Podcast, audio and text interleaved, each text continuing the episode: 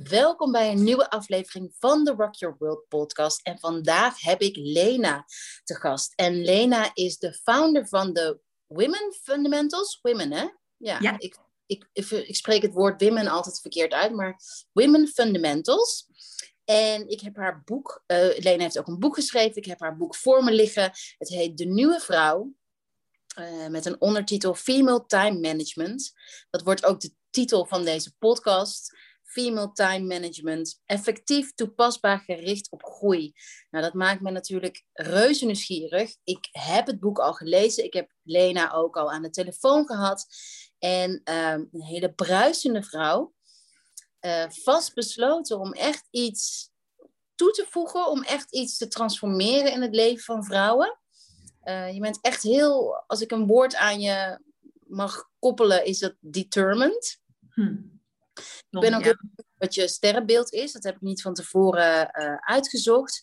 En in deze podcastaflevering, hij komt uit in ehm, de maand die gaat over home, thuiskomen bij jezelf.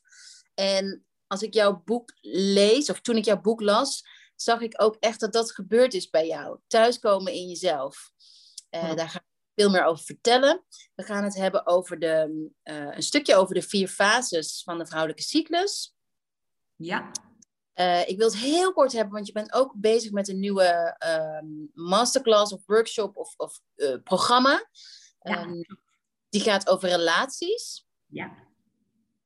En Heel jij, maar heel interessant, ja. ja, nou ja, eigenlijk eh, heeft het ook wel matchen. Want het is ook, tenminste voor mij matcht dat ook wel. Als zodra je thuis komt bij jezelf, heb je ook, wil je ook die verdieping in je relatie. Tenminste, dat is, dat is hoe het bij mij is eh, ge- ge- gekomen. En dan, je, je wilt niet meer settelen voor les. Dus je wilt ook alles uit je relatie halen.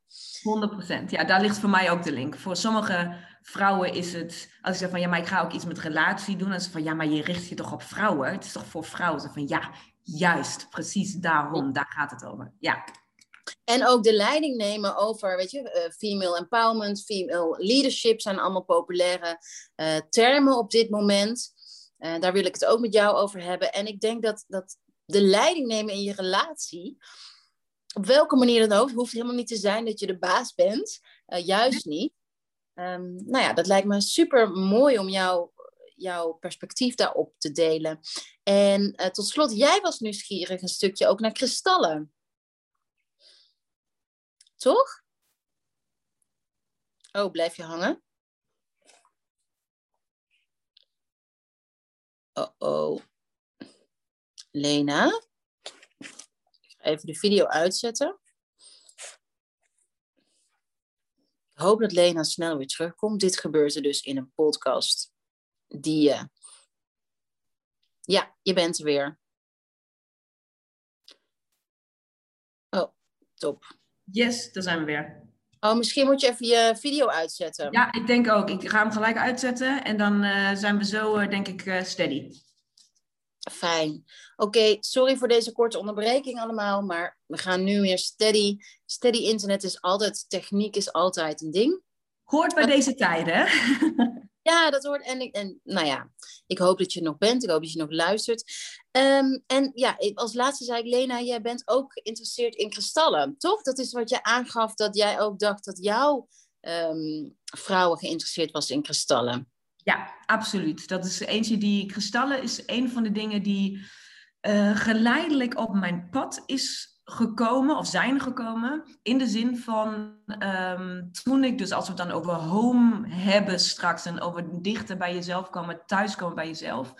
Ehm, toen die reis voor mij echt was begonnen en of eigenlijk, nou ja, ik veel meer aangekomen was dan, eh, dan die, ja, mijn hele leven daarvoor begonnen opeens naar stenen en kristallen in mijn leven op te duiken. Dus ik kreeg ze gewoon cadeau, letterlijk, van, eh, van mensen die hier al veel meer in aan, aanraking mee waren. En die zeiden van ja, maar deze is voor jou. En ik kon daar helemaal niks mee. Echt helemaal niks. Van nou ja, weet je, dat rare. Nou, ik weet het niet. En ehm, ondertussen ehm, heb ik daar nou ja, A, een heel andere mening over, maar ook een hele andere verbindenis, eh, verbondenheid mee. Uh, met stenen en kristallen. En dat deel ik ook ehm, nu met, met de vrouwen die mij volgen. En met, dat, het, dat het een heel mooi stuk mag zijn van, nou ja, wie je nou, dat het aan kan vullen, dat het iets kan betekenen. En ehm, ik weet dat jij daar een boek over hebt geschreven, natuurlijk, Rock Your Crystals. Uh, dus ja. dat was natuurlijk een inkoppertje om te zeggen van, nou, als ik jou dan een keer heb, dan uh, nou, zijn kristallen toch echt iets wat, ehm, waar ik jou een stukje voor wil, nou ja, ondervragen, zodat de vrouwen die mij volgen daar ook um, weten waar ze meer informatie kunnen halen en wat het allemaal betekent en ja, wat, het, wat het doet, al die stenen en al, dit, al dat glitter en glans en uh, soms ook roerheid en al, al die andere dingen. Nou, daar gaan we het zeker over hebben, maar niet alvorens uh, ik heel graag wil dat jij je kort introduceert. Wie ben je? Waar woon je? Uh, wat is jouw verhaal? Hoe is de vrouwelijke cyclus in jouw leven gekomen? Nou, heel graag. Super bedankt ook voor de, uh, nou, voor de uitnodiging en dat we dit samen gaan doen. Ik vind het echt superleuk. Um, mijn naam is Lena Rensler en ik ben geboren en getogen in Duitsland, dus van origine Duits. Ben nu meer dan 15 jaar in Nederland en woon in Breda. Heb ook al die tijd in Breda gewoond. Even een klein uitstapje naar uh, Antwerpen gemaakt, maar ja, dat is vanaf hier niet heel ver. Uh, en toen weer terug. Ik woon hier samen met uh, Rick, mijn partner en onze twee kinderen. Op mijn stories noem ik ze altijd liefdevol CEO 1, CEO 1 en CEO 2. Um, en dat is ook echt hoe ik het zie. En Rick noem ik altijd de stagiair en ik ben de medewerker. Um, omdat ik het echt ook zo zie dat mijn Women Fundamentals, dus het bedrijf wat ik op heb gericht een aantal jaren terug, is niet een bedrijf voor mij. Het is onderdeel van mijn leven. Het is wie ik ben. Het, het, het um, vertegenwoordigt een, een ontzettend groot deel van mij. Dus ik geef veel. Um, je mag veel zien. En ik, eh, over het vrouwelijke cyclus gesproken, daar gaan we natuurlijk zo naartoe. Waar staat Women Fundamentals dan voor? Het draait heel veel over zelfliefde, over, ik noem het liefdevol egoïsme. Um, over jezelf op, een, op de meest prettige manier centraal leren stellen. Um, zodat jij zo, die liefde die je als vrouw zo graag wil geven. En dat zorgen en dat bemoederen en altijd voor iedereen klaarstaan. En dat, dat wat zo soort van verworteld in ons zit. Um, dat we dat opnieuw leren op de, in aanhalingstekens, juiste manier te doen. Dus zonder dat het ons energie kost, zonder dat het ons nou ja, outburnt, om het maar zo te zeggen, zonder dat het uh, ons vertraagt en um, op, op een slechte manier vertraagt. En ja, dat het eigenlijk tegen ons gaat werken. En ik denk dat de vrouwelijke cyclus, dus de vier fases van de vrouwelijke cyclus, hierin een heel waardevol en nog veel te onderbelicht tool is. Waardoor je en heel dicht bij jezelf komt, bij je eigen behoeften. wat heb ik eigenlijk nodig? Maar ook heel praktisch, gewoon de taken en verantwoordelijkheden die nou eens op een week uh, of in de maand moeten gebeuren, op de meest efficiënte, effectieve manier ingepland kunnen worden, zodat gewoon je energiebalans um, zo, zo goed mogelijk benut kan worden. En je dus je hele vermogen en potentieel veel beter in kan zetten. Nou ja, dat is wat Women Fundamentals nu is voor mij. Dus daar geef ik uh, op elk moment, uh, gepast of ongepast, uh, in mijn leven zoveel mogelijk kennis en, en um, ja, informatie. Herkenning hoop ik heel veel. Ik deel heel veel van mijn eigen ervaring, van mijn eigen cyclus, over de keuzes die ik maak en hoe ik female time management zelf um, letterlijk in mijn agenda zet, op de agenda, maar ook in mijn agenda zet. Um, en ik ben daarbij gekomen, um, bij deze kennis, door een hele lange zoektocht. Echt, ik heb daar denk ik acht jaar van mijn leven aan besteed om te, om te vinden wat er bij mij niet in balans was. Dus ik, uh, tien jaar terug werkte ik um, als trainer en coach in de sales- en klantcontactwereld. Uh, dus ik stond heel veel voor de groep, uh, voor alle toonaangevende bedrijven in Nederland uh, mocht ik trainingen geven. Dus het was heel succesvol. Ik was toen in loondienst. maar het was ook een heel inspannende baan. Ehm, ik kon daardoor groeien naar het managementteam. Ik ben daardoor gegroeid naar de directie binnen dat bedrijf. Dus ik was nog, nou, voor mijn dertigste of rond mijn dertigste, um, had ik het uh, carrière-wise gezien heel erg goed voor elkaar. Uh, financieel ging het mij ook erg voor de wind. Ik uh, woonde met mijn vriend in, in, de mooiste, in een van de mooiste wijken van Breda, in ons eigen huis. Dus je, van buitenaf um, leek alles, niet alleen koek en ei, maar leek alles bijna jaloersmakend. Dus ik had echt mensen om me die zeiden van, Leen, jezus, wat heb jij het voor elkaar zeg. En van binnen was ik zo ongelukkig. Mm Ik was heel erg... Um, het, het, begon steeds meer aan mij te knagen dat ik denk van, ja oké, maar is dit het nou? Is dit wat ik het allemaal voor heb gedaan? Dus wat, ga, wat komt er nu nog? Dus heel kort samengevat was het eigenlijk, er begon een soort van zingevingsdilemma bij mij te ontstaan, wat zich uitte in ontzettende onzekerheid, ontevredenheid. Ik was ongelooflijk wispelturig, um, geïrriteerd. Ik kon s ochtends echt het huis uitgaan en in de auto zitten en denken van, nou, ik ga mijn baan opzeggen en ik ga het uitmaken met mijn vriend en ik ga verhuizen naar Costa Rica en een bed and breakfast beginnen. Zeg maar, alles moest om. En s'avonds kwam ik thuis en ging vertellen van, nou, ik had vandaag zo'n toffe groep. Het was zo tof. En in mijn hoofd dacht ik, nou, als hij mij niet een huwelijk vraagt, dan zeg ik ja ook, hè. En uh, ik wil niks liever dan... En zo gingen al mijn dagen. Ik werd helemaal gek van mezelf. Herkenbaar, herkenbaar. Ja, het was zo schrikkelijk. Vond het echt, ik vond, het was zo zwaar. Het kostte zoveel energie. En tot een punt dat ik besefte, ik kan eigenlijk mijn eigen emoties, mijn eigen gevoelens niet meer vertrouwen. Want ik, ik wil, s ochtends wil ik het uitmaken, uitmaken en s'avonds wil ik met hem trouwen. What the fuck, hoe moet ik dit doen? Zeg maar, hoe, hoe moet ik ooit nog een fatsoenlijke keuze maken? Dat, ik wist niet meer, dus ik, ik kon niet meer vinden. Nou, vanaf daar begon ik burn-out uh, verschijnselen te krijgen. Uh, dus oververmoeid. En uh, nou ja, dat kennen we allemaal, denk ik. Of niet, dat kennen we allemaal, maar hebben we allemaal al van gehoord. Um, oververmoeid, kwam niet meer van de bank af, kon, sliep ongelooflijk slecht, al dan niet. Um, ja, blaasontstekingen, oorontstekingen. Het bleef maar doorgaan, continu. En toen ben ik op zoek gegaan. Toen van, oké, maar dit kan het niet zijn. Dit, dit, dit kan niet zijn. En toen ben ik begonnen met alles. Nou, name it, I did it. Ik was bij de uh, haptonoom, ik heb handlezingen gedaan. Ik was bij een medium, ik was bij uh, Ayurveda, Paleo, uh, Green Happiness. Dus alles wat zowel mindfulness, meditatie, yoga, hot yoga, aerial yoga. Ik, ik ben de hele palet doorgegaan van oké, waar, hoe kan ik balans laten ontstaan in mijn leven? En in die zoektocht ben ik um, ook een woestijnreis aangegaan. Dus ik heb een ik heb Vipassana gedaan, een Vipassana, Vipassana retreat, tien dagen stilte. En daar heb ik een uh, jonge vrouw toen nog leren kennen, begin twintig. En zij stond, ja, ze was in haar eigen transformatie heel bezig. En zei van, nou, ik zou me zo graag zelfstandig willen maken. En dan wil ik woestijnreizen voor vrouwen aanbieden. En ik dacht, nou ja, oké, dan dat, dat klinkt heel tof. Ze zag er ook echt uit als een soort Pocahontas, als een indiaan met lange zwarte haren. Dus ik dacht, ja, maar dit is voor jou, dit moet jij doen. Maar ze was zo jong en ze durfde allemaal niet. Dus ik zei toen tegen haar in mijn nou, liefdevolle naïviteit, die mij al heel ver heeft gebracht.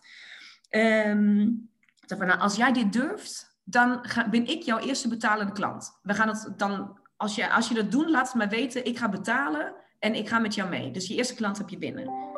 Nou, en toen hebben we later, veel later, hebben we, echt vier jaar later of zo, nadat dit was, zag ik haar op Facebook adverteren um, met haar eerste eigen woestijnreis. Nou ja, belofte maakt schuld. Dus ik heb contact met haar gezocht. Ik ben daadwerkelijk met haar meegegaan. Tien dagen met tien vrouwen in de woestijn in Egypte. En dat is, tijdens die reis, heb ik voor het eerst van de vrouwelijke cyclus gehoord. En dat heeft voor mij, die reis heeft sowieso alles voor mij veranderd, maar dat is nog een heel ander onderwerp. Ehm, maar daar heb ik de vrouwelijke cyclus ontdekt en gingen mijn ogen open op alles wat met vrouwelijkheid, met balans, met ehm, effectiviteit, efficiëntie, energie. Dat, dat alles, alle puzzelstukjes vielen in elkaar. Alles wat ik tot daar had gedaan, viel op zijn plek en kreeg een soort van ehm, de juiste, ja, de juiste, belangstelling of zo. Het, het, het klopte allemaal. En vlak daarna ehm, is Women Fundamentals ontstaan. Dat ik zei van ja, maar dit is deze kennis, dit is nu meer dan drie jaar, vier jaar terug. En nu lezen we, nu hebben we de, gelukkig de, de vier fases lezen we in de happiness, in de flow. Het komt overal als paddenstoelen op de grond, uit de grond. Maar vier jaar geleden, toen ik hiermee begon, was het nog taboe. Zelf met vriendinnen, wat ik daarover praatte, was ja, maar je gaat toch niet over menstruatie, over bloed praten? Ik zeg, maar daar gaat het toch helemaal niet over? Dat is toch helemaal niet waar dit over gaat? Maar het was zo'n zo'n ehm, onderwerp, was nog zo onbesproken was en wat we wat we gewoon nog niet kenden. Niemand wist iets van de vier fases. Ik, ik noemde het altijd oerkennis die verloren is gegaan. En ehm, nu is het gelukkig veel meer onderwerp van de dag, weten veel meer vrouwen ervan. Nog veel te weinig, maar nog veel meer dan vier jaar terug.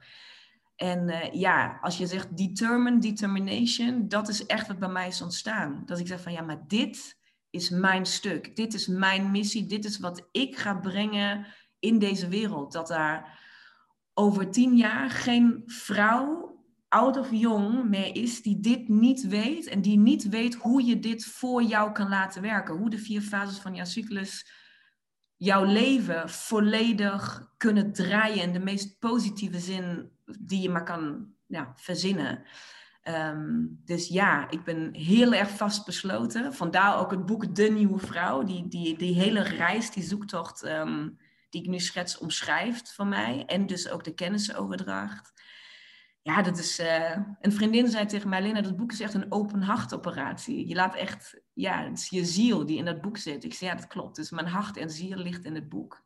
En ja. Uh, ja, ik ben super trots dat ik dit mag doen. Ik voel me ook echt geroepen om dit te doen. Het is, um, ik word daar iedere dag heel erg blij van. Ja, nou, en het is zo mooi ook. Um, je vertelde natuurlijk in het begin dat je een um, een baan had die je geen voldoening gaf, waarbij je aan de buitenkant alles had. Ja. Uh, wereld. En ik geloof ook echt dat dat, want dat herken ik heel erg aan mezelf. Ik, ik geloof ook echt dat, uh, ja, dat, dat, het, dat dat komt doordat je niet doet wat je eigenlijk zou moeten doen. En ik, ik, ja, voldoening is zo'n ondergeschoven um, iets in onze wereld. Ken, ik, eh, ben je dat met me eens? Dat voldoning Um, en en dat, dat vind ik zo'n mooi uitgangspunt ook van de vrouwelijke cyclus. Dat we ook eens een keer, ook eens dat we voldoening mogen uh, voelen. Omdat zodra je voldoening voelt, dan komt die momenten van rust komen vanzelf. En dat is zo'n omgedraaide wereld van. Ik herken namelijk zoveel wat je zei.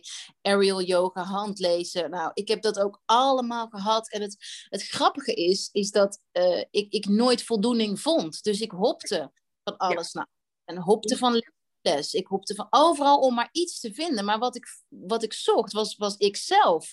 Ik zocht mezelf. En, en dat zie ik ook zo aan uh, andere vrouwen. Dat, ja, dat is echt thuiskomen bij jezelf. Je, je, je, je kunt blijven hoppen, maar uiteindelijk moet je naar binnen gaan kijken. En, uh, ja, en, en, en de beloning van die reis is, is dat stukje voldoening. En vanuit daar um, ga je ook beter slapen. Uh, niet, el niet elke dag, maar echt wel fundamenteel beter. Is, eigenlijk is een zo'n grotere switch voor alles. En ik vind jouw boek ook echt de perfecte aanvulling op, um, op de Self-Care Journal die ik, die ik geschreven heb met dezelfde missie als jij. Van, ja. ja neem controle over die cyclus. Neem controle. Het is niet zo van, um, ja, het is gewoon is gewoon magisch om, om er rekening mee te houden. Jij hebt dat vast ook. Ik zit bijvoorbeeld nu in de tweede fase. En ik, ja, ik heb zoveel inspiratie, zoveel creatie. En, en ik, ik, mijn Instagram captions en blogs en, en, ja, en creativiteit komen ook echt in dit punt van mijn cyclus. Het beste tot z'n recht. Ja, en dat is, ik herken dat 100%.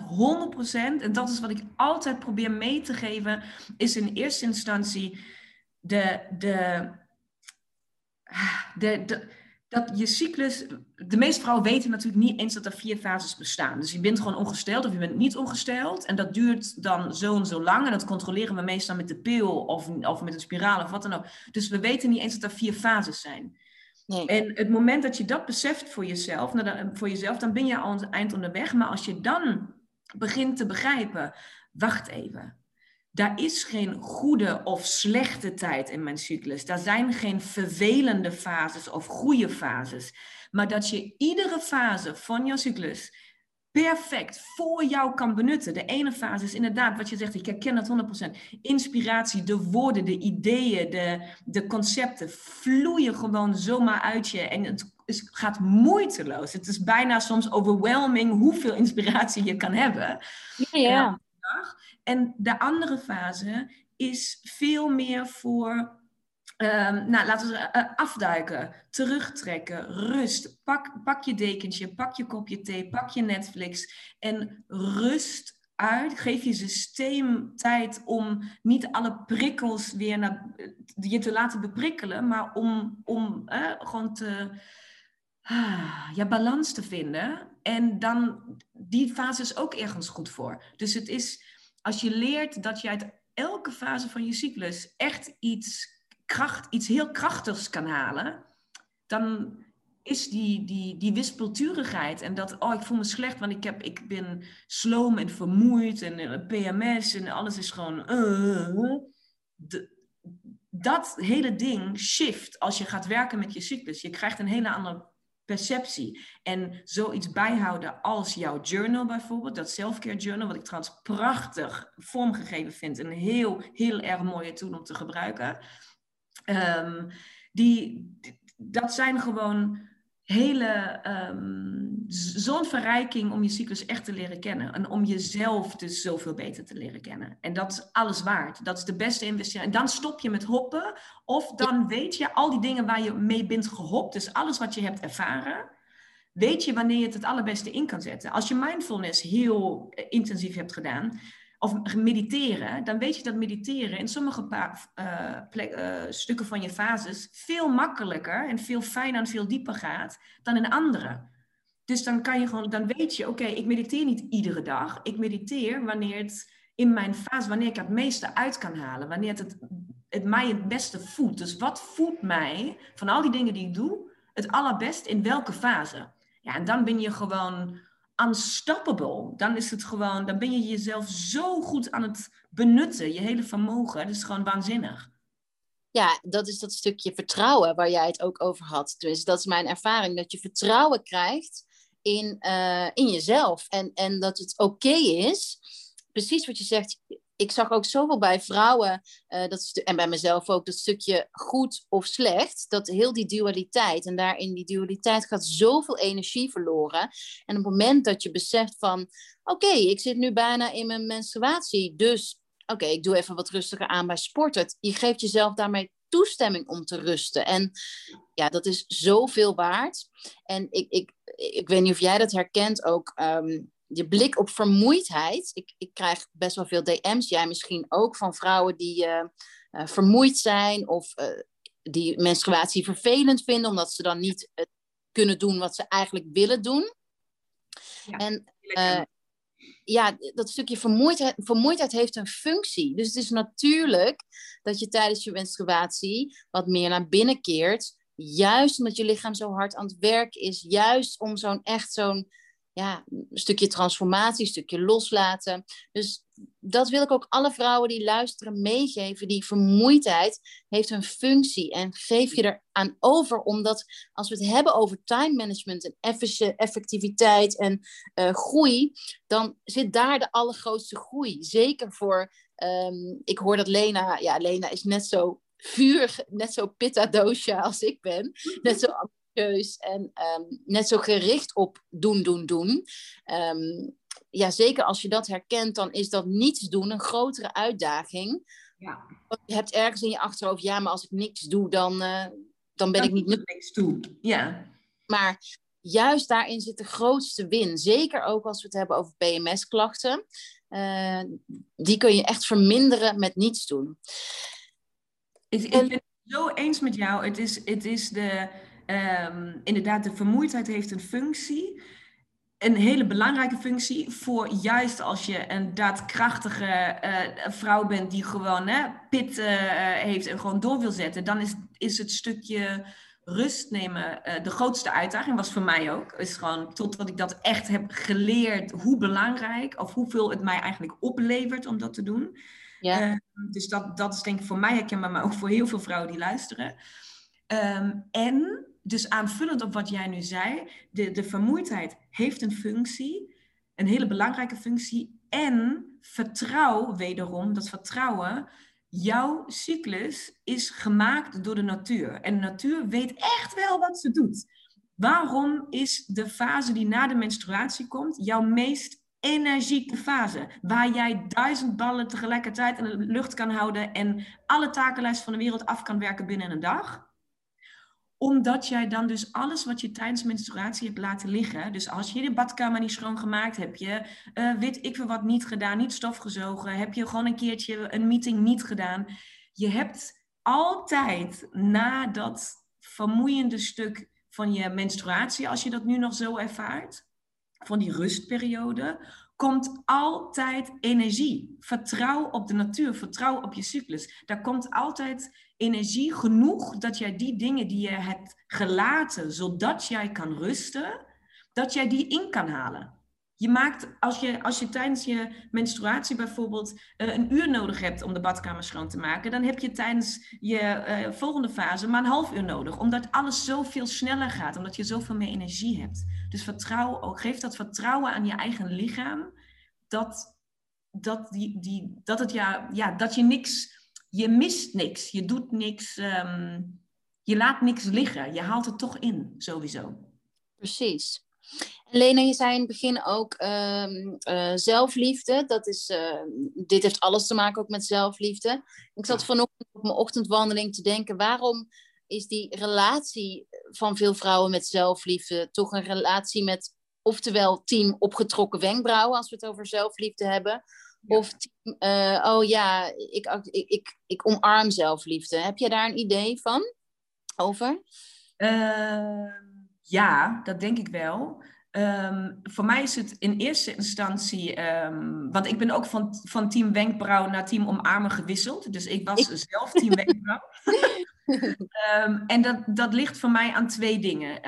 A, heel simpel, woordkeuze zelfliefde vind ik, vind ik tot de dag van vandaag nog steeds ja, een beetje wazig. Een beetje van ja, wat bedoel je daar nou eigenlijk precies mee? En oh, zelfliefde, dat doet me gelijk aan een bepaald soort mens denken of een bepaald soort um, uh, um, houding of zo, waar ik me niet mee identificeerde.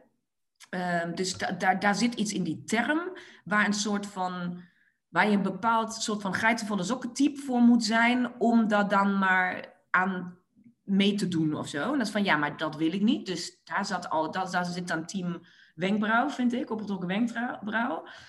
En um, de, de, de tweede stukje wat daar zit, dus maar afgezien van hoe je het noemt of de term, is dat vrouwen die nog niet thuis zijn aangekomen in zichzelf. Vrouwen die ehm, wel nog staan waar wij veel jaren geleden stonden, dat je je identificeert met je werk en met de prestaties die je levert. En met dat je nog heel erg in die, in die struggle bent van uh, misschien ook de, ik weet dat ik niet doe wat ik moet doen, waarvoor ik hier ben, wat weer zoiets zweverigs is om te zeggen. Ja, ja. Ik ben hier voor iets.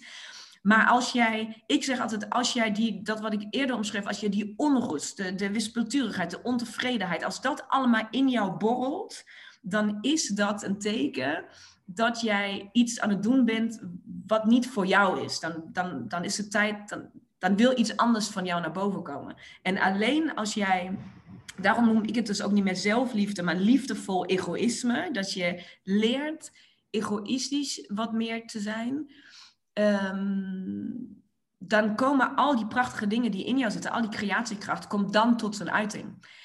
En ik denk dat je een, een, een stuk bewustwording, een eindje onderweg moet zijn in je soort van zelfontwikkeling en je persoonlijke ontwikkeling, om je hiervoor open te stellen. Dus ik denk dat eigenlijk team opgetrokken wenkbrauw uiteindelijk allemaal team zelfliefde gaan worden als ze in hun eigen proces daaraan toe zijn om het te begrijpen wat het voor jou inhoudt. En wat het voor jou, als je het, als je het kind een eigen naam kan geven, zodat het klopt bij jou. Dan, want we willen het allemaal. We willen allemaal hetzelfde. We zijn allemaal op zoek naar hetzelfde. Want dat is gewoon fulfillment. Dat is wat zo, zo bizar goed voelt en kloppend is. Maar omdat er soort van een, een, een labeltje of zo aan dat woord of aan die, nou ja, aan die groep of aan, weet ik niet, dat er zoveel vooroordelen aan hangen of zo. Ja, zachtheid. Ik, ik, ik denk heel erg dat het te maken heeft met zachtheid en kwetsbaarheid. Dat, dat, dat, als ik naar mezelf kijk, uh, vond ik dat gedeelte juist ook zo spannend. En, en, en daar begon me ook mijn, mijn transformatie, dat ik besefte van, hé, hey, ik wil helemaal niet voelen. Ik wil helemaal niet verbinden. Uh, dus zelfliefde was voor mij echt ja, een teken van zwakte. Ja, helemaal waar. Helemaal waar. Dat is, dat is, het, alle, dat, dat is het allereerste uitgangspunt. Dat helemaal waar. Want kwetsbaar zijn en, en, en zachtheid, dat zijn gewoon die dingen, en dat is ook voor mij waar heel erg female time management over gaat. Um, dat zijn gewoon de dingen die over het algemeen in onze maatschappij, zoals die nu in elkaar zit, niet gewaardeerd wordt. Daarvoor, uh, of niet, niet gewaardeerd, niet um, beloond. Dus je voor zacht zijn en kwetsbaar zijn, krijg je geen bonus op je werk. Je krijgt voor je targets halen en voor uitstekend, uh, um, weet ik wat, klantgedrag of voor uitstekende doelen bereiken. Daar word je voor beloond. En daar heb je vaak in onze, in, in de werkende wereld, is um, de veronderstelling dat je zachtheid en dat je kwetsbaarheid je daar niet gaat brengen. Maar vooral heel hard werken en doorzetten en misschien ook even een elleboog links of rechts. Uh, om iemand anders aan de, aan de kant te duwen. Um, dat, dat is wat, wat nog in, ja, in hele brede focus of een hele brede kijk is op hoe je tot succes gaat komen. En pas als je daar bent gekomen, als je daar bent geweest vaak, dan besef je, oh fuck, dit, is, dit, dit geeft mij helemaal niks. En dan, dan zie ik heel veel vrouwen die shift pas maken. Wat super jammer is, want het zou al zoveel eerder kunnen. Het is zo van alsof je eerst je neus moet stoten heel hard. En dan, uh, dan moet voor iedereen moet er zo'n besefmoment komen. Of zo dat je het roer om wil gooien. Dan moet iets gebeuren. En dat kan heel klein zijn, maar dat vaak is, is, het, is het groot. Dus het moet eerst echt serieus pijn gaan doen. Voordat we dat, we dat gaan leren omarmen of zo. Ik denk ook dat het niet anders ja, ja, ja, ik denk dat het niet anders kan. Ik, ik, ik uh, denk dat echt pas die innerlijke keuze van jezelf van en nu ga ik het anders doen, die, die moet echt komen voordat alles wil klikken. Ik heb al vaker ook in podcasts gezegd, ik had al uh, eh, 15 jaar Deepak Chopra naast mijn bed liggen, maar ik, mee. En het heeft echt pas, het moederschap is bij mij um, de aanleiding geweest om echt die innerlijke reis te gaan maken. Dus ik, ja, en, en voorheen eigenlijk dingen die mensen tegen me zeiden, die, die, die gleden van me af. Het was wel ergens van, ja, misschien heb je een puntje, maar ik was toch vooral uh, uh, op zoek naar, ja, op, op zoek naar de persoon die mij de oplossing zou kunnen bieden van, van die stomme onrust en die mood swings en die, ja, ja, ja was het voor jou ook zo dat jij vooral in een, een stelling was? Dat herken ik heel erg wat jij nu zegt. Dat jij op zoek was naar iemand, iets of iemand die jou daarvan af zou helpen. Dus ik heb echt acht jaar daarover gedaan om buiten mijzelf te zoeken, door methodes en, en mensen en visies, allemaal te volgen, om daarvan af te komen. Nu hoor ik jou hetzelfde zeggen.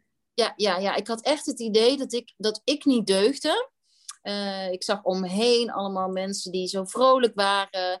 En ik was ook heel vrolijk, maar ik was eh, ook uh, met tijd en waarde niet vrolijk. En wat jij zegt over verhuizen naar Costa Rica, ik was, dat, dat herken ik allemaal. Ik, ik was bezig, weet je, van, van huis naar huis. Of misschien is die baan de oplossing, of een andere relatie de oplossing, of een ander nou ja, dieet, medicijn, sport. alles, was, alles moest de oplossing zijn. In, uh, maar ja, en, en, en ook uh, op, als ik op vakantie ging, was ik, was ik niet rustig. Altijd was ik bezig met iets. Dus ik, ik was mezelf continu aan het afleiden. Um, met voldoening zoeken, uh, terwijl ik dat niet wist. Dus ik kon nooit genieten. Dat was mijn. En dat voelde ook echt als, ja, als een stukje levensgeluk wat ontbrak. Ja, Ja, heel herkenbaar. En ook niet wetende waar je het kan vinden. Dus het voelde ook echt, ik voelde heel duidelijk, ja, het kan, ik, ook een verwijt, hè? ik mag helemaal niet ongelukkig zijn, maar ik heb gewoon alles waar andere mensen van dromen in aanhalingstekens. Niet dat ik, hè, maar dat, dat ik denk van, ik, ik mag echt, mag me zo gelukkig prijzen. Ik heb een goede baan, ik heb een toffe relatie, ik heb een heel tof huis, ik heb een auto van de zaak, ik, heb, ik had alles, weet je. Ik kan uit eten gaan wanneer ik wil. Ik, ik kon dat toen allemaal. Ehm, en toch dat ik een soort van een verwijt tegen mezelf, hoe durf jij ongelukkig te zijn? Zeg maar dit is toch gewoon belachelijk? Je, hoort, je hoort je goed te voelen. Je hebt je zo hard voor gewerkt. Dus voel je nu alsjeblieft ook gewoon goed. Nu. Ja, maar het kwam gewoon niet. Het kwam niet. Het, sterker nog, het werd steeds erger. Het was, werd steeds ongelukkiger. Ja, heel herkenbaar. Bij mij is het ook wel echt... Ehm, ik ben benieuwd hoe dat bij jou is al. Ik voelde dat al heel vroeg in mijn leven. Ehm, en dat maakt het ook heel uh, lastig. Te ik, ik, ik weet nog dat ik echt dacht van... Ja, maar mijn ouders zijn ook bij elkaar, er is niemand gestorven. Waarom voel ik dan die onrust? ik was echt al ja, vanaf, vanaf tien of twaalf of zo dat ik die onrust begon te voelen van ja, die, die afwisseling in zo blij zijn en toch zo last. Zo echt het gevoel van geen zand onder mijn voeten. Ja, ja heel herkenbaar dit. Ik heb ook al op hele jonge leeftijd. Um, ja, dat ik, dat ik soms zelf dacht, ja, ben ik, ben ik, in sommige gevallen ben ik dan, niet dat ik toen dat woord al kende hoor, nu terugkijken van, heb ik nou depressief, dat ik zo verdrietig ben of zo, zo gewoon doelloos of dan weer heel erg recalcitrant ook, heel erg uh, de, de, ruzie zoeken, vooral verbaal dan, hè? gewoon maar, willen uiten, maar niet weten wat ik eigenlijk wil zeggen. En ja. uh, dus een hele, um, ja, ja, onrust, wispelturigheid die daar al heel lang zat, maar die, die um, ik weet niet wat dat is, dan misschien op hele jonge leeftijd al geleerd om dat te onderdrukken. Om gewoon te zeggen, ja, dat mag daar niet zijn. Dus we, we moeten gewoon maar de glimlach opzetten en zeggen dat het allemaal goed gaat. En vooral de doelen die we dan maar hebben gezet. Voor mij, voor mij thuis was het heel erg... Uh, ik ben in Duitsland opgevoed, dus het schoolsysteem is daar iets strenger en iets, um, ja, iets anders dan hier. Maar voor ons thuis was het oké als je niet het gymnasium doet, daarna naar de universiteit gaat en ergens gewoon minimaal een managementfunctie hebt, dan ben je gewoon niks. Dan heb je echt niks bereikt in je leven. Vandaar dat ik dat ook allemaal had gedaan voor mijn dertigste. Want dat is het enige, was het enige doel. Ja. En ehm, die hele tijd was die, die onrust en die, die, ja, wat jij omschrijft, was er de hele tijd. En toch heb ik daar, heeft het zo lang geduurd totdat ik daar gehoor aan heb gegeven. Ja, ik, ik zie dat ook echt wel als. Um, ik zie dat misschien wat spiritueler ook van. Want ik spreek natuurlijk heel veel vrouwen die, die, dit, die dit ook hebben. En ik denk echt dat dat. Ja, echt zo'n shift is in. Um, ja, het is niet voor niets dat er nu zoveel vrouwen. Um, dat er zoveel ja, dat, dat die andere kijk op time management, die andere kijk op leiderschap. Ik denk echt dat, dat deze generatie vrouwen, wij, ja. Ehm, ja, dat gewoon dat al vroeg voelde. Ik weet niet of jij dat ook herkent. Ik voelde me ook altijd anders. En ik wist gewoon van, er is iets met mij. Ja. En ik denk echt dat dat een reden heeft. En um, ja, en, en, dat we anders ook niet die transformatie hadden gemaakt. En nu anderen kunnen inspireren met ons verhaal. En die, die, die vastberadenheid voelen om, um, ja, om, om te delen wat wij hebben eh, ja, en, en, voel jij ook dat die, ik herken dat 100% wat je zegt, dit gevoel van, oh ik ben anders, maar ik kan eigenlijk niet zeggen waarom, maar ik voel gewoon anders. En nu komt het soort van, valt het allemaal op zijn plek, maar ook dat, net wat jij nu zegt, van, dat er meer vrouwen zijn in onze generatie die datzelfde voelen, die hetzelfde mee hebben gemaakt, en dat juist die vrouwen nu elkaar ook allemaal vinden, zoals wij elkaar ook hebben gevonden. Dat je een soort van een netwerk van vrouwen om je heen bouwt die allemaal dat soortgelijke verhaal hebben en nu ook allemaal op een ja, soort van haar missie, haar, wat ze gaat brengen in deze wereld, gewoon ook gaat brengen. Gewoon linksom of rechtsom. Het gaat gewoon gebeuren en haar pad gaat volgen. En dat die vrouwen soort van als soort, ik zie dat als een soort vuurtorens soort elkaar vinden en zien en connecten. En, en uh, ja, daar bepaal, ja, dat er iets gebeurt. Zeker, zo zie ik het ook. Ik, ik zat gisteren. Mijn favoriete serie op dit moment is The Bold Type op Netflix. Mhm. En, en sowieso zat ik me gisteren uh, te bedenken van... hé, hey, volgens mij zijn er ook in um, de series uh, op Netflix nu meer vrouwen in de hoofdrol. Ja. Dus ik, ik heb echt het idee dat er... Um, en, en ja, dat er echt op, op, op minuscule dingen, ding, dingen aan het shiften zijn. Echt op, ja, gewoon op een hele toffe manier. Uh, ja, is er gewoon meer ruimte voor vrouwen om het anders te doen. Ik had ook aan het begin van het jaar een, um, uh, was ik bij een coach, bij een handleescoach. En die uh, moedigde mij ook aan om, om mijn kijk op yin en yang in business. Ik zie het ook, die, ook die fases, vrouwelijke fases, ook heel veel over yin en yang. Um, om, om, om, ja, om echt dat te leven. En dat je niet. Dat je niet kijk, ik ben echt een workaholic van, van aard. Ik, ik, wat jij zegt van uh, mijn werk is mijn passie, is onderdeel van mij. Nou, dat is, dat is bij mij ook. En um, toch ben ik actief bezig met uh, grenzen stellen. Um, ja, kijken hoe, hoe het um, mezelf niet niet uh, straffen als ik niet om negen uur mijn werkdag begin, maar daar soepeler mee omgaan. En, en daar denk ik ook dat um, ja, dat stukje anders je werk indelen. Um, ja, dat is voor mij ook wel echt iets wat, wat, ik, wat ik zelf nu aan het leren ben en wat ik ook hoop um, nou ja, op een gegeven moment te delen van hoe kan je, ja, hoe shift dat in je werkweek? Hoe kunnen we dat stigma van een werkweek is van 9 tot 5, van maandag tot vrijdag, hoe kunnen we dat misschien vloeiender invullen? Ook met het oog op de vrouwelijke cyclus. Dat we uh, ja, zo'n zo dag hebben van je menstruatie. Uh, ja, ik, ik denk echt dat, dat, dat dat in de toekomst vloeiender gaat worden. Nou, ik denk dat alles daar naartoe is. Dat is natuurlijk ook waar, waar voor mij uh, het beginstuk met de nieuwe vrouw, met het boek Female Time Management, um, wat daarmee uh, voor mij het startpunt was om vrouwen hieraan te introduceren. Om te zeggen van nou, de, de, de, dus ik zie female time management ook in alle grote bedrijven um, voetvatten. Vooral nu dat we toch grotendeels thuis aan het werk zijn. En ik denk ook niet dat dat weer helemaal teruggaat naar hoe het ooit is geweest. Dus ik denk dat, dat vanuit huiswerken altijd een, een, een groter onderdeel zou blijven van ons leven dan het ooit is geweest. Tenminste voor de mensen in loondienst dan ook. Um, ik denk dat alles, ik, ik ben helemaal met je mee dat alles speelt toe naar dat er meer ruimte mag komen om ook je agenda en je dag en je werk in te delen volgens de vrouwelijke cyclus, volgens die, de vier fases. En dat betekent nou eens dat je de ene week misschien wel al om zeven uur achter je laptop zit en tot elf uur s'avonds doorgaat, omdat je nog een vet idee had, wat nu ook energie is om uit te werken. Omdat je in die fase ook letterlijk minder slaap nodig hebt.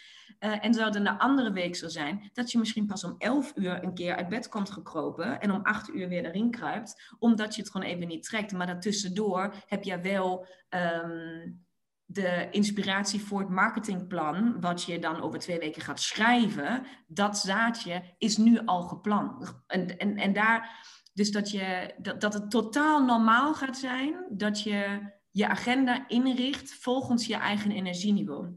Ik, heb dus dat, ik ben daar in loondiensten al mee begonnen, jaren terug, om de cyclus daaraan toe te passen. En daar kan het natuurlijk tot op bepaalde hoogte, want daar is iemand anders die jouw agenda bepaalt en die bepaalt wanneer jouw meetings zijn of je presentaties zijn of deze dingen. Maar het kan echt wel, ook in loondienst al, in de traditionele zin van loondienst 9 tot 5, je gaat naar kantoor, et cetera, um, kon ik daar al een heel stuk in mee. En uiteraard als je uh, ondernemer bent of je eigen tijd in kan richten. Um, ik, in mijn, letterlijk in mijn Outlook-agenda staan bovenaan mijn fases. Nu al voor de komende twee maanden. Want ik ken mijn cyclus. En mits daar niet een hele grote schuiving komt, wat dan vaak, ja, als je daar wel langer mee bezig bent, vaak wel te voorspellen valt dat er iets gaat gebeuren. Uh, omdat je cyclus jou gewoon signalen geeft. Uh, dat is de enige reden waarom je schuift of waarom er iets schommelt in je, mits dat je geen medische uh, oorzaak is daarvoor. Um, is het, is het um, bijna, it's a spiritual thing. Je, je lichaam laat je gewoon weten van, hé, hey, je, daar is ergens aandacht nodig, daar is ergens focus nodig of juist rust nodig. En als je niet luistert, dan worden die signalen wat harder. Dan gaat je lichaam wat harder roepen, totdat je wel luistert. Ehm, en zo kan je, ehm, ik ga bijvoorbeeld als ik een fotoshoot heb of als, als ik uh, een, een uh, weet ik wat, een lezing moet geven, ja, dat plan ik in bepaalde weken. Daar ben ik heel bewust mee bezig. En dat, ik geloof 100% dat dat de toekomst is. Dat is ja. Want zo gaan wij vrouwen ons, tot ons recht komen in de maatschappij. De, de, de, de werkende wereld is nu gemaakt door mannen. Mannen waren daar nou eens voor ons decennia geleden, ja, honderden jaren geleden, waren ze, uh, waar, gingen de mannen werken en wij bleven thuis met de kinderen. Dat is, en pas door oorlogen en door emancipatie en al die dingen moesten vrouwen zelf aan de bak, want er waren geen mannen meer, want die stonden allemaal aan de front. Dus die, er moest gewoon gewerkt worden. Zo zijn wij in een bestaande, werkende wereld ingerold. Maar de mannen zijn natuurlijk lang niet gek. Daar waren geen vrouwen om rekening mee te houden. Dus vrouwen hebben, mannen hebben de werkende, werkende wereld, zoals wij ze nu kennen, ingericht volgens hun beste vermogen. En mannen hebben een cyclus van één dag. Dus die, die, die hebben een heel andere time management, een heel ander energieniveau als wij dat hebben. En wij zijn ingestroomd in een wereld die gemaakt is, zakelijk gezien, voor mannen. door mannen voor mannen. Dus het is helemaal niet gek dat wij hier niet optimaal in functioneren. Maar het is ook de tijd, is tot nu toe, denk de kennis en de tijd is er nog niet geweest om hier verandering in te brengen. En dat is nu wel. Daar ben ik 100% zeker van. Dat gaat komen de komende jaren. Onze kinderen gaan dit totaal normaal vinden. Die gaan zich afvragen wat wij ooit hebben gedaan. Ja, ja dat geloof ik ook. En, en, en wat ook zo mooi is, want um, ik hoop ook dat deze podcast geluisterd wordt door uh, vrouwen die ook graag een ander willen begrijpen. Um, des, of eh, zal het zijn in een managementfunctie of op de werkvloer of um, als, als uh, leider of in het gezin of in een relatie of in een vriendschap of in een familie. Wat namelijk zo mooi is, is als, dat je thuis, als je thuis komt bij jezelf en als je rekening houdt met die energiefluctuatie en, en alles van jezelf, dat je zoveel meer empathie voelt en begrip hebt voor de ander. En de ander kunt zien. En ik denk op dat moment, als je, als je, de, de, ja, als je dat kan, de ander ook kunt zien, ehm, dan kunnen we een ripple effect met, met elkaar nog sterker creëren om, omdat, ja, dan leven we in een meer wakkerder, zoals Deepak Chopra ook mooi, zo mooi zegt, in een wereld die awake is. Een wereld die wakker is, waarin we echt niet meer langs elkaar heen hoeven te lullen. Um, maar gewoon begrijpen van, oké, maar dit is niet mijn stuk, maar zij is nu even chagrijnig. Uh, dat heeft niks met mij te maken. En veel minder bagage met ons steeds meenemen. Want bagage meenemen kost zoveel energie.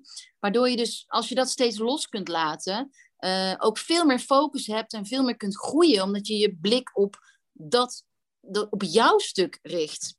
Ja, 100%. Zo mooi bij. Ja. En, en ik wil nog met je hebben, want we zitten al bijna een uur te praten. Ja, ik zat net aan de klok te kijken en denk van oké, we hadden nog de kristallen en we hadden nog de relationship uh, stukje. Maar ja, anders komt er maar nog een nieuwe podcast. Komt goed.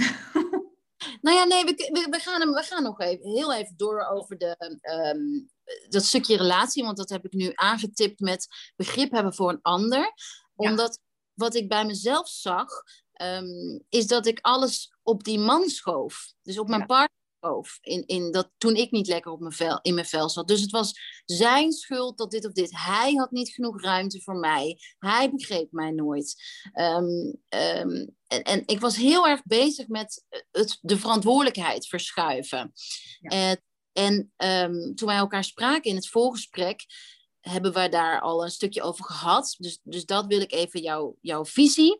Ja. En en wat ik zo interessant vind is, um, doordat, die hele, doordat wij uh, meer zijn gaan werken en meer uh, bewust zijn gaan worden van, van onszelf als vrouw zijnde, is er een hele shift ook in onze relaties met mannen gekomen. En um, dat is voor de man ook even opnieuw zoeken. Dus ik, ja, ik, ik, ik vond het zo interessant in ons voorgesprek dat jij daar nu een programma voor aan het ontwikkelen bent. Kan je daar even kort iets over vertellen? En dan gaan we inderdaad dit onderwerp um, verschuiven naar een volgende podcast. Maar ik wil, ik wil toch dat je even dit kort aanstipt. Ja, zeker, zeker, zeker. Uh, je, je, je, je, omschrijft hem al, het uitgangspunt omschrijf je prachtig. Want uh, dat is denk ik wat heel veel vrouwen voelen. Hij begrijpt mij niet. Hij uh, geeft me niet wat ik nodig heb. Uh, ik voel dit niet, maar ik wil dat voelen. En ik vind hem trouwens ook een beetje lui en hij helpt mij niet. En ik voel me ook niet gesteund. Of al, al deze dingen.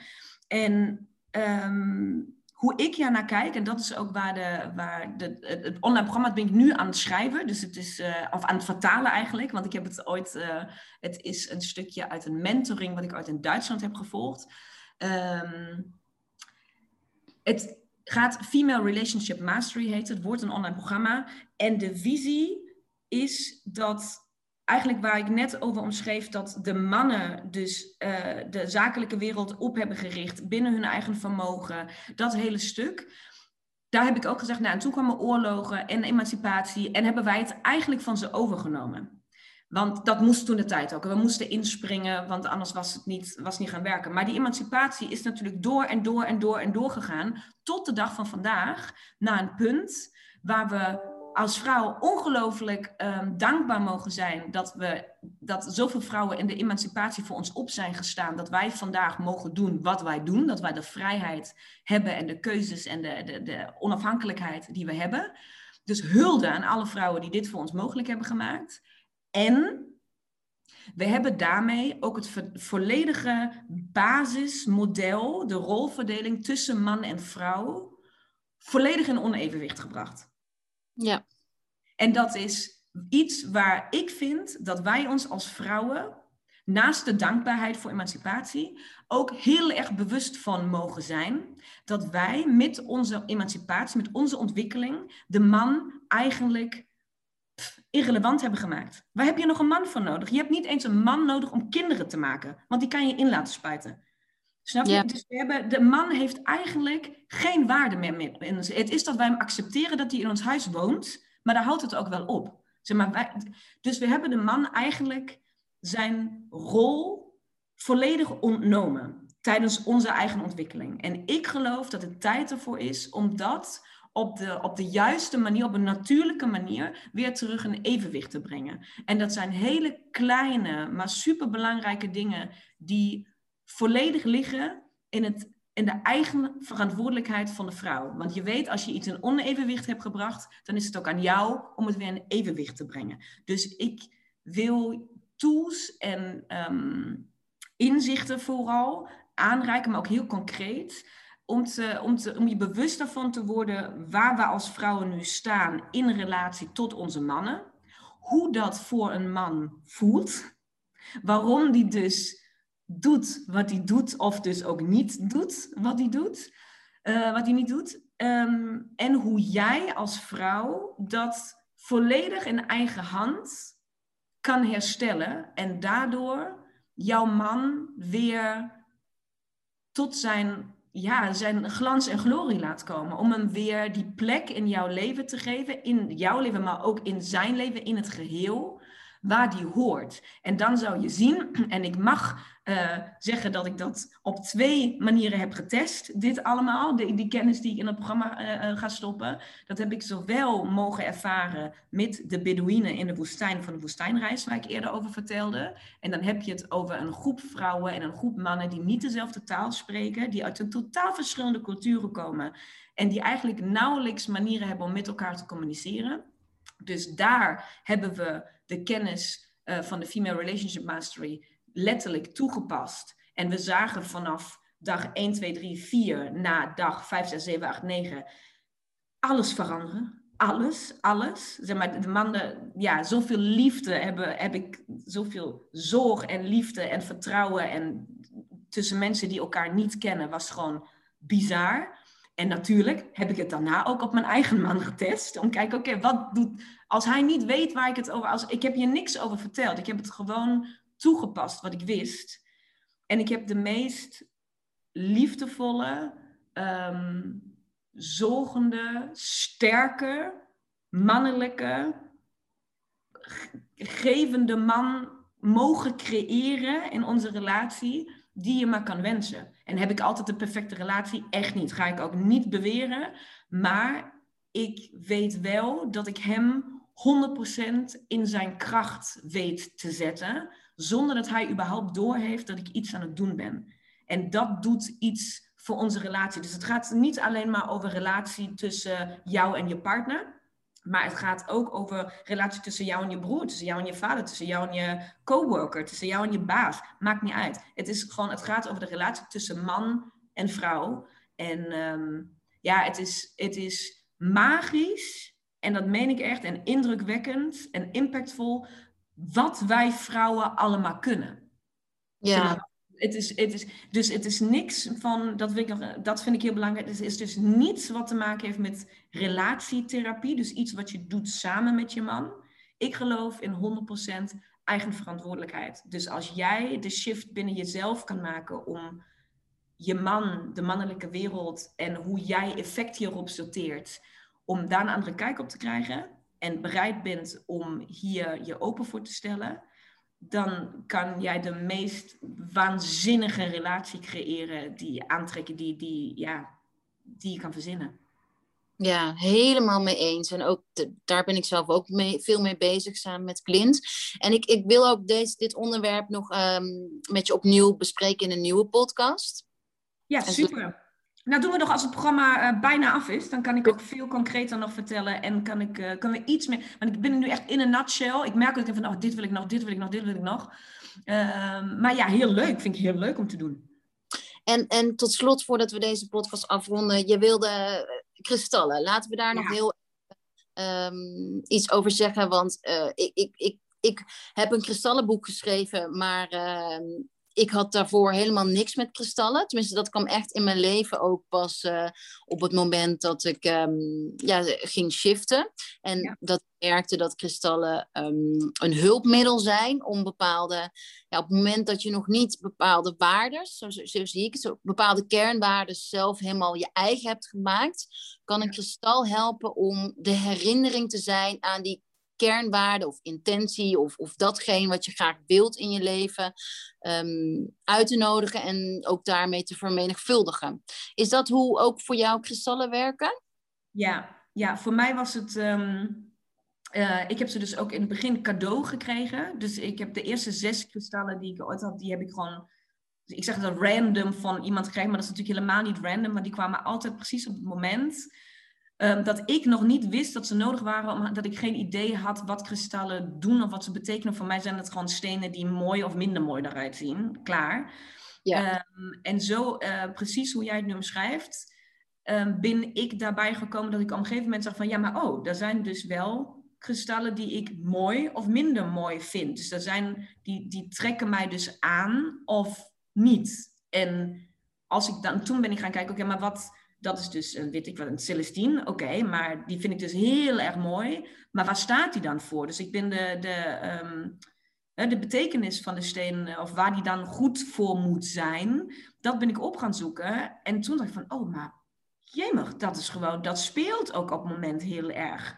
Nou, en zo, zo ben ik, um, het was altijd een soort van eye-opener dat, dat, dat die stenen, de betekenis, ook was het heel random gewoon online opgezocht. Hè? Gewoon betekenis die en die steen, betekenis bergkristal. En toen ik ben gaan lezen, was het altijd iets wat, wat heel erg aan de hand was. Of waar ik mee aan het struggelen was. Of wat, en ja, en dat heeft de relatie tot, de, tot die kristallen um, heel waardevol gemaakt. Dat ik besefte, oké, dus iedere keer dat ik hiermee struggle, of iedere keer dat dat terugkomt in mijn leven, of dan, dan weet ik dat die specifieke steen daarvoor, dat, dat, dat ik daar iets in kan zoeken. Dat die mij iets gaat brengen, of dat ik, dat ik daar in de buurt moet zijn, of um, wat dan ook. Dat, dus daar, daar, zo heb ik hem heel erg leren kennen empowerment. En, en wat jij zegt is ook, um, kristallen zijn dus een manier om um, jezelf vragen te stellen. Dus jij gaat op het moment dat jij die kristal opzoekt en uh, iets leest, is dat weer een nieuwe kijk, nieuw perspectief op jezelf. Dus je leert iets van, uh, je groeit erdoor. Iets wat je niet, waar je misschien eerder nooit hebt over nagedacht, Um, of het is een bevestiging van iets wat al speelt, waardoor je weer meer vertrouwen krijgt, omdat je het nog dubbelop leest. Ja. Dus dat is ja. zo krachtig. Ja, ja, ik, ja. ik ik, ik moet eerlijk zeggen, grappig genoeg werk ik nu zelf. Uh, ze liggen in mijn huis. Uh, en ik pak ze nog wel eens bij met meditatie of op, op, een, op een plek als ik echt iets um, groots wil manifesteren. Maar voor mij zijn kristallen nu een kleinere rol uh, gaan spelen. Um, ja, ze, zijn echt voor een andere rol gaan spelen in mijn leven. En dat is ook wel, vind ik leuk om, om um, te merken dat ja, die speelsheid. Kijk, een, geen enkel kristal gaat uh, een probleem oplossen. Dat, is, uh, dat stuit me soms wel eens tegen de borst natuurlijk. Uh, ja, dit kristal helpt je beter slapen. Het gaat veel meer over um, de energie die het in jou wakker maakt. Waardoor je gaat nadenken van oké, okay, hoe, hoe, hoe, waarom slaap ik slecht? En welke dingen kan ik zelf ondernemen of niet ondernemen, of juist laten, om beter te kunnen slapen? Dus die kristal is echt een ingang voor zelfonderzoek en, um, en, en motivatie, een talisman. En is daar ook, uh, je hebt natuurlijk een boek geschreven, toen kristallen wel nog heel erg, nou, zeg maar, heel veel ruimte en een heel mooi hoofdstuk waren, wat je aan het ontdekken was. Uh, um, nu iets meer op de achtergrond, maar toen heel erg op de voorgrond. Toen heb je Rock Your Crystals uh, geschreven. Is dat ook een boek voor beginners? Dat, dat je kennis maakt met de kristallen, dat je begrijpt. Dus dat, dat stukje wat jij nu omschrijft, dus het is niet alleen foto's van steen en de betekenis, maar ook dat je dat stukje verhaal daarin meegeeft? Ja, ja, omdat wat ik merkte toen ik heel erg zoekende was, dat ik veel meer gehecht was, of veel meer tijd besteden aan, aan, aan mezelf. Nou ja, nee, dat is misschien verkeerd gezegd, op een andere manier. Dus in het begin van mijn zoektocht um, had ik heel veel baat bij langere rituelen, langere meditaties, uh, langere schrijfdingen, omdat ik nog heel erg zoekende was. En ik merk dat nu, um, ja, is het, is het zo'n is zoveel dingen zijn automatisme en zoveel dingen. Um, neem niet weg dat ik nu ook de tijd neem voor dingen, maar op een andere manier. En um, ja, ik, ik denk echt wel dat het kristallenboek super is voor beginners.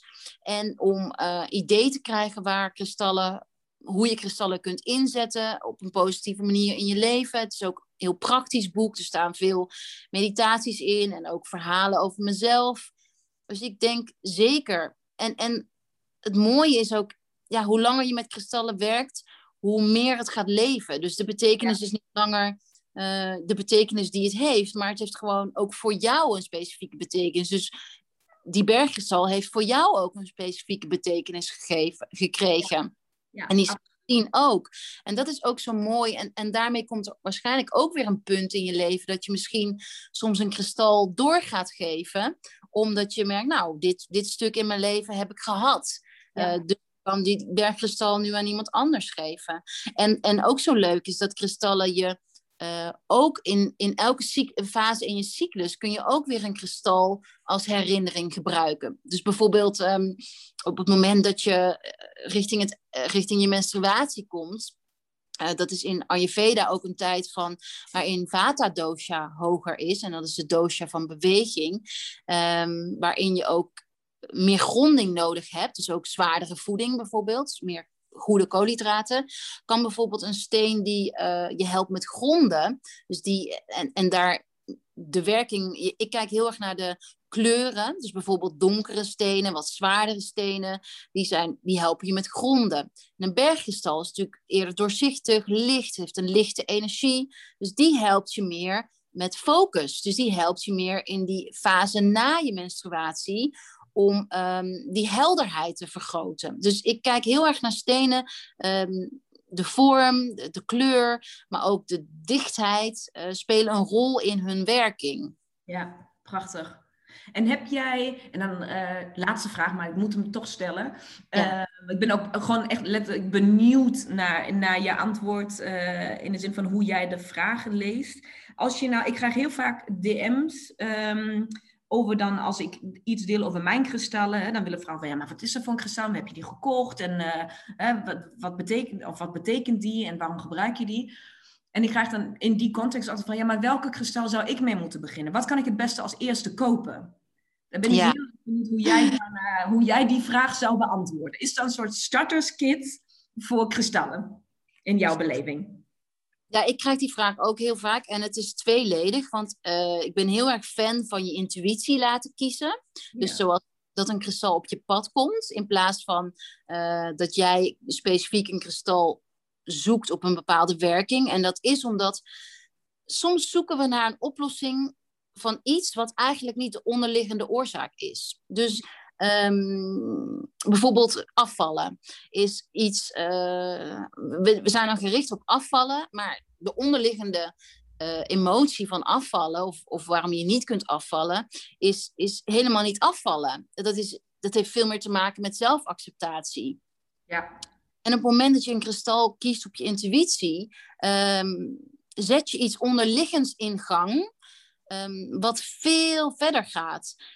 Maar ik begrijp ook aan de andere kant dat er handvaten nodig zijn. En, en um, die had ik in het begin ook zo van: oké, vertel me nou maar wat ik moet doen. Vertel me nou maar welke stappen ik moet nemen. Dus ik zou dan altijd gaan voor een rozenkwarts of een bergkristal, inderdaad. Bergkristal vind ik ook heel mooi, maar een rozenkwarts, ja, omdat de meeste vrouwen die ik ken, uh, echt die, die zachtheid en die herinnering aan rust uh, heel goed kunnen gebruiken. En uh, ja, dus ik, ik zou ook echt dan aanraden het kristal op een plek te zetten in huis, waardoor elke keer als je er langs loopt, je herinnerd wordt aan van, oh, ik hoef even niet zo hard. Ik hoef niet per se op aan. Ik hoef niet alles te doen. Ik hoef niet per se te sporten als ik echt niet, uh, echt geen fut heb. En, en, want dan, op het moment dat je ja, die gaat werken met het leren rust nemen. Um, en die kristal, die rozenkwarts als, als reminder daarvoor gebruikt. Ja, dan kunnen er veel meer dingen shiften. Want ik denk dat we allemaal beseffen dat op het moment dat je mind in een red race, als je in de red race zit, hoe moeilijk het daar is om daaruit te stappen. En, en ik geloof echt dat je rust kunt gaan trainen. En uh, dat zijn hele kleine stapjes. Maar je kunt gewoon ook niet van jezelf verwachten dat je in één keer 15 minuten kunt mediteren of in één keer nou, rust kunt nemen als je nog zo in de doestand zit. Dus ja, ik denk, ik denk echt voor de meeste vrouwen rozenkwarts of een andere zachte steen.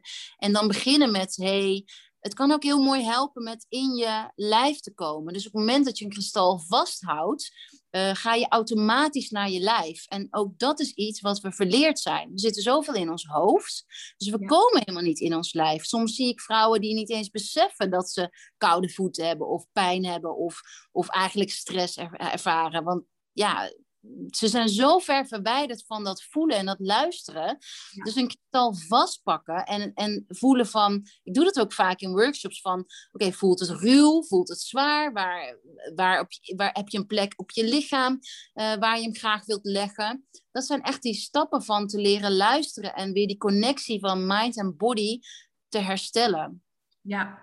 ja, het is prachtig dat je hem zo beschrijft. Ik moet dan gelijk aan de stilte denken, de stilte retreat um, die ik organiseer, die zijn precies op dit stuk. Um, daar sluiten ze op aan. Dus van dat zoveel vrouwen er zijn die niet eens meer. En daar hoorde ik nog een paar jaar geleden absoluut bij. Dus, ik uh, ook. Hè, dat ik denk van, nou, als je mij vraagt wat voel je, dan denk ik van, wat, wat moet je van mij? Wat moet ik voelen dan? Ja. Wat, ik, ik, begrijp de vraag niet zo goed, zeg maar dat. Het is niet te doen.